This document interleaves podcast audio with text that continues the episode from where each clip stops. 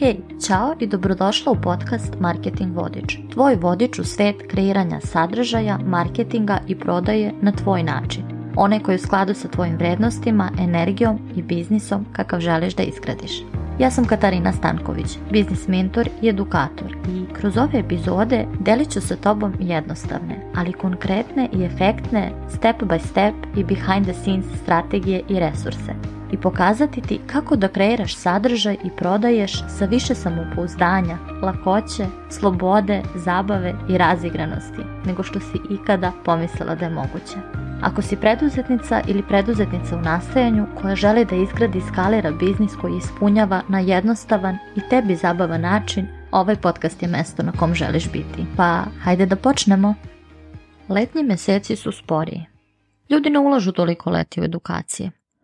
Bolje da pauziram tokom leta i tako skoro niko tad ne kupuje, pa ću nastaviti od septembra, oktobra. Da li uhvatiš sebe da izgovaraš ili pomisliš ovi slične stvari? Ili možda to čuješ od drugih? I sad se verovatno pitaš zašto ovu epizodu snimam sada kad smo već dobrano zagazili u leto, a nisam je snimila u junu. Zato što su druga polovina jula i avgust Tradicionalno mjeseci kada je većina manje pred računarom. Ide na odmore ili bira da uloži druge stvari umjesto edukacija i programe. Ali da li su letnji mjeseci zaista spori mjeseci i da li tada treba pauzirati pa nastaviti od septembra?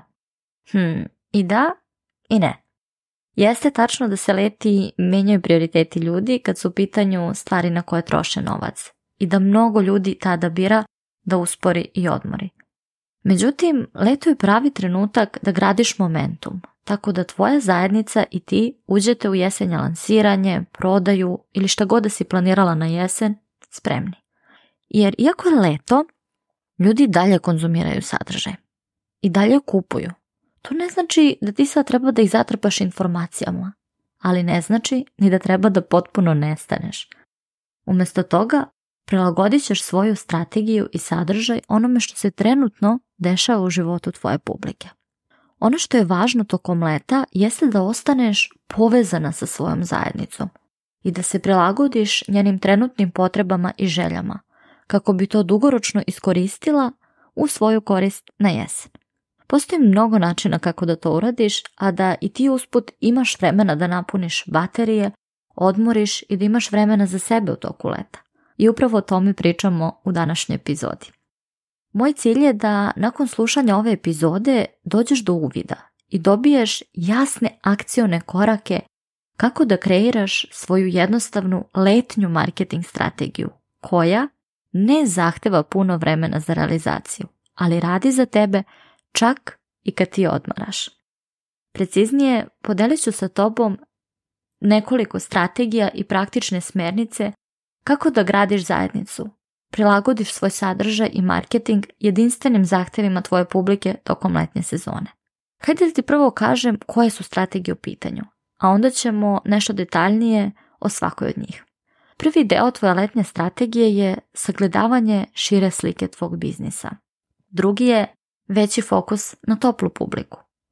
Treći je prilagođavanje sadržaja onome što tvoja publika želi i što je potrebno tokom leta i posljednje četvrti podrazumeva izmene u postojećoj ponudi ili u postojećim ponudama. Odmah da kažem, ne treba da radiš sve navedeno, već da odabereš ono što je trenutno najviše u skladu sa tobom i tvojim letnjim planovima. Kao što smo rekle, prvi deo tvoje letnje strategije je sagledavanje šire slike biznisa, kako bi znala kako se ono što radiš tokom leta uklapa dugoročno u ono što planiraš da radiš na jesen. Zato je prvo potrebno da znaš da li ćeš na jesen lansirati svoj program, membership, mastermind ili neku drugu ponudu. Da li ćeš možda prodavati neku novu ponudu koju do sada nisi prodavala? Ako je to slučaj, to znači da je potrebno da iskoristiš leto da se pripremiš i da pripremiš svoju zajednicu za jesenje lansiranje i prodaju. Ono što radiš tokom leta vodi do prodaje na jesen.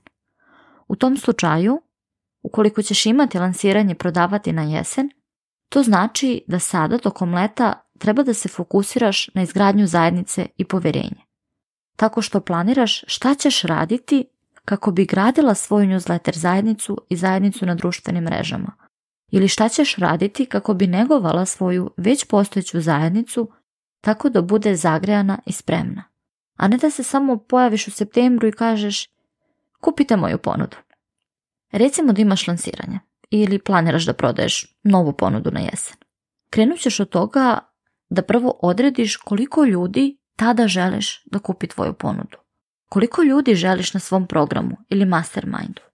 Koji je tvoj novčani cilj za to lansiranje? Kad to imaš, vrati se i razmisli.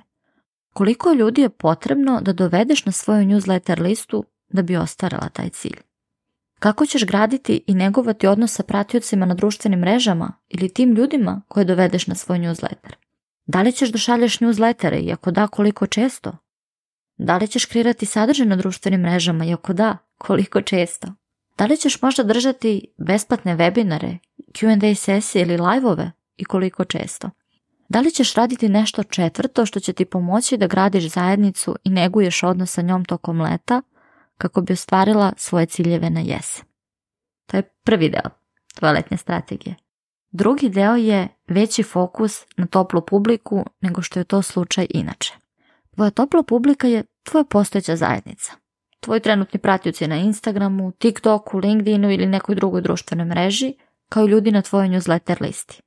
Ono što je važno da znaš je da će prodaja uvijek biti veća kada prodaješ svojoj toploj publici, zato što su to ljudi koji te već izvesno vreme prate.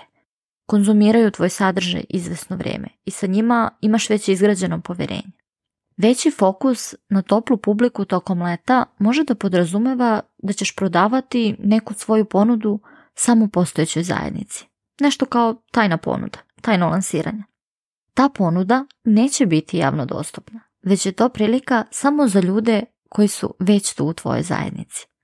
To može biti neka ponuda koju već imaš, ali trenutno drugi ne mogu da je kupe. Ili može biti potpuno nova letnja ponuda koju si kreirala za svoje ljude.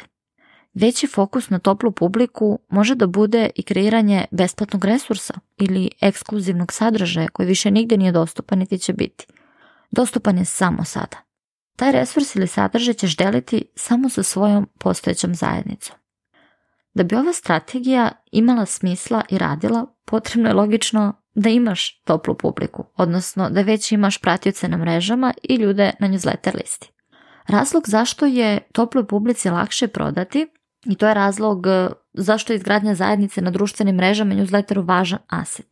I ako to nisi radila dosadno do sada, onda treba da kreneš sa tim i da na tome bude tvoj fokus tokom leta, a i nakon toga jer da, toploj publici definitivno je lakše prodati.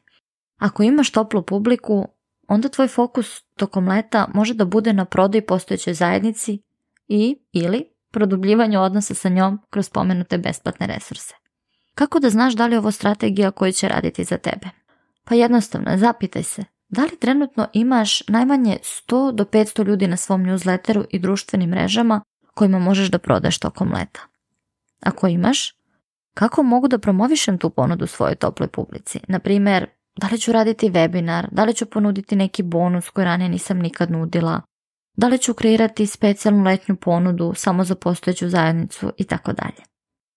Treći deo letnje strategije je prilagođavanje sadržaja onome što tvoja publika želi i onome na čemu joj je fokus tokom leta.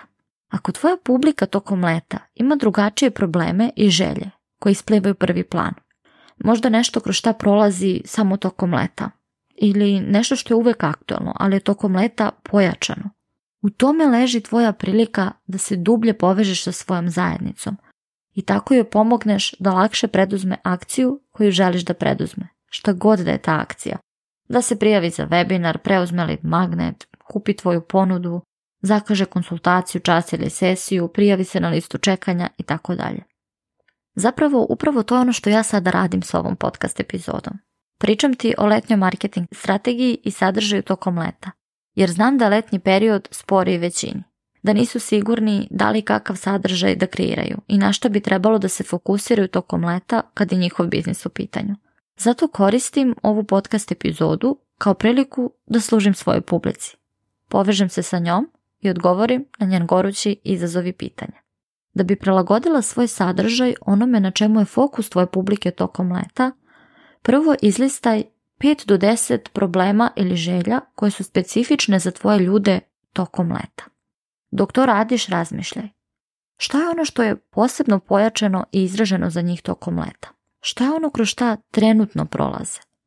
Kad to imaš, druga stvar je da se zapitaš kako svojim sadržajem možeš da služiš svojoj zajednici i pomogneš joj da reši taj problem ili ostari tu želju koju ima.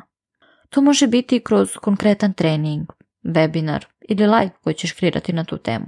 Tako što ćeš možda kreirati objave ili serijal objava na tu temu na društvenim mrežama. Tako što ćeš snimiti YouTube video ili podcast epizodu na tu temu. Možda napisati jedan ili niz newslettera, kreirati specijalizovan lead magnet i tako dalje. Posljednji deo letnje strategije je izmjena u postojećoj ponudi ili kreiranje nove specifične letnje ponude. Ovoga smo se već dotakli. U većini slučajeva, međutim, dovoljno je kreirati konkretan bonus ili dodati u postojeću ponudu neki element koji rešava gorući problem tvoje publike u ovom trenutku. Predlažem da pre toga uradiš onu vežbu iz prethodnog koraka gdje izlistaš 5 do 10 stvari koje su ključni izazovi ili želje tvoje publike tokom leta i da se onda zapitaš da li mogu ovaj problem ili ove probleme da rešim specijalnim bonusom, novom lekcijom ili tako što ću promeniti nešto u svojoj ponudi tako da rešava taj problem moje publike. Zatim, da li mogu da rešim ovo tako što ću kreirati novu jednostavnu ponudu koja će kreirati idealne klijente za moju glavnu ponudu i prirodno voditi u tu moju glavnu ponudu koju planiram da lansiram i prodajem na jesen. I posljednje pitanje, da li mogu da rešim ovaj problem tako što ću jednostavno pričati na drugačiji način o svojoj postojećoj ponudi i istaći neke druge stvari u vezi sa tom ponudom. Primetit ćeš da kada kreneš da odgovaraš na ova pitanja, u većini slučajeva jedina izmena koja je potrebna u tvojoj ponudi jeste pričanje o tvojoj ponudi na drugačiji način. Tako što ćeš akcenat staviti na želje i probleme koje tvoja publika ima sada tokom leta. Tako ćeš već sada pomoći potencijalnim kupcima da drugačije gledaju na stvari, da promene perspektivu, što će onda direktno uticati i na tvoju prodaju i povećati je na jesen kada budeš lansirala i prodavala.